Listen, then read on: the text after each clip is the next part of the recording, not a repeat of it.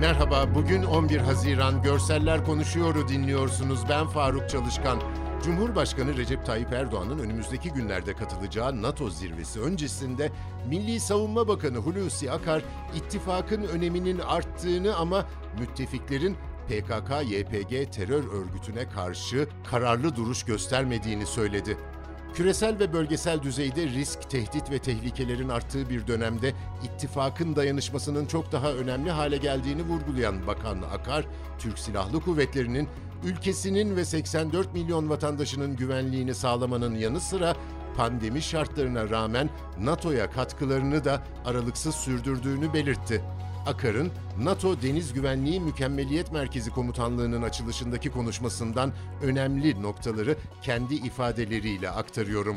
NATO müttefiklerimiz dünyanın birçok bölgesinde terör örgütlerine karşı kararlılıkla mücadele etmişlerse de maalesef PKK-YPG terör örgütüne karşı aynı kararlı duruşu göstermemiştir. Türkiye, ulusal güvenliğini ve bölgesel istikrarı tehdit eden PKK-YPG ve DAEŞ terör örgütünün Suriye'nin kuzeyindeki eylemlerine karşı birlikte mücadele için müttefiklerine sayısız çağrıda bulunmuştur.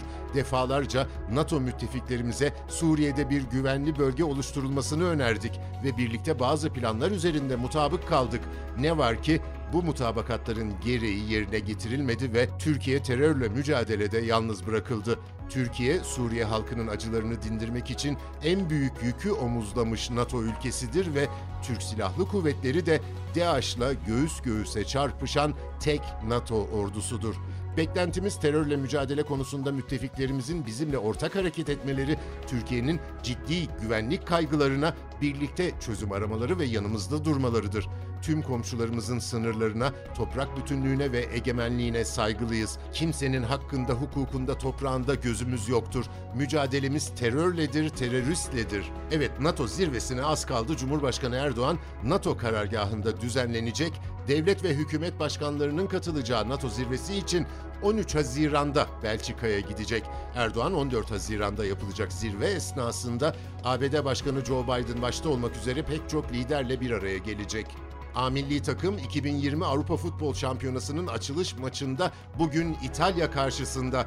İtalya'nın başkenti Roma'daki Olimpiyat Stadında oynanacak ve Türkiye saatiyle 22'de başlayacak A grubunun ilk maçının hakemi Hollanda'dan Dani Makeli. Karşılaşma TRT1'den naklen yayımlanacak.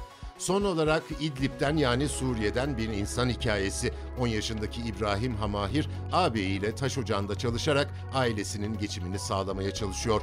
Kısa siyah saçlı İbrahim zayıf bedeni ince kollarıyla karnına kadar kaldırdığı beyaz büyük bir taşı taşımaya çalışıyor. Bir başka fotoğrafta ise yamaçtayız İbrahim ve ağabeyi taşla kaplı zemindeler. Ellerinde balyoz kırarak küçültüyorlar taşları. İnşaatlarda kullanılacakmış bunlar. 25 taşı 1,5 dolara kırıp kamyona da yüklüyormuş. Kazandığı para ailesiyle kahvaltı yapmaya yetmiyormuş. Dört kardeşi, annesi ve rahatsızlığı nedeniyle çalışamaz durumdaki babasına bakıyorlarmış. Bugünlük bu kadar.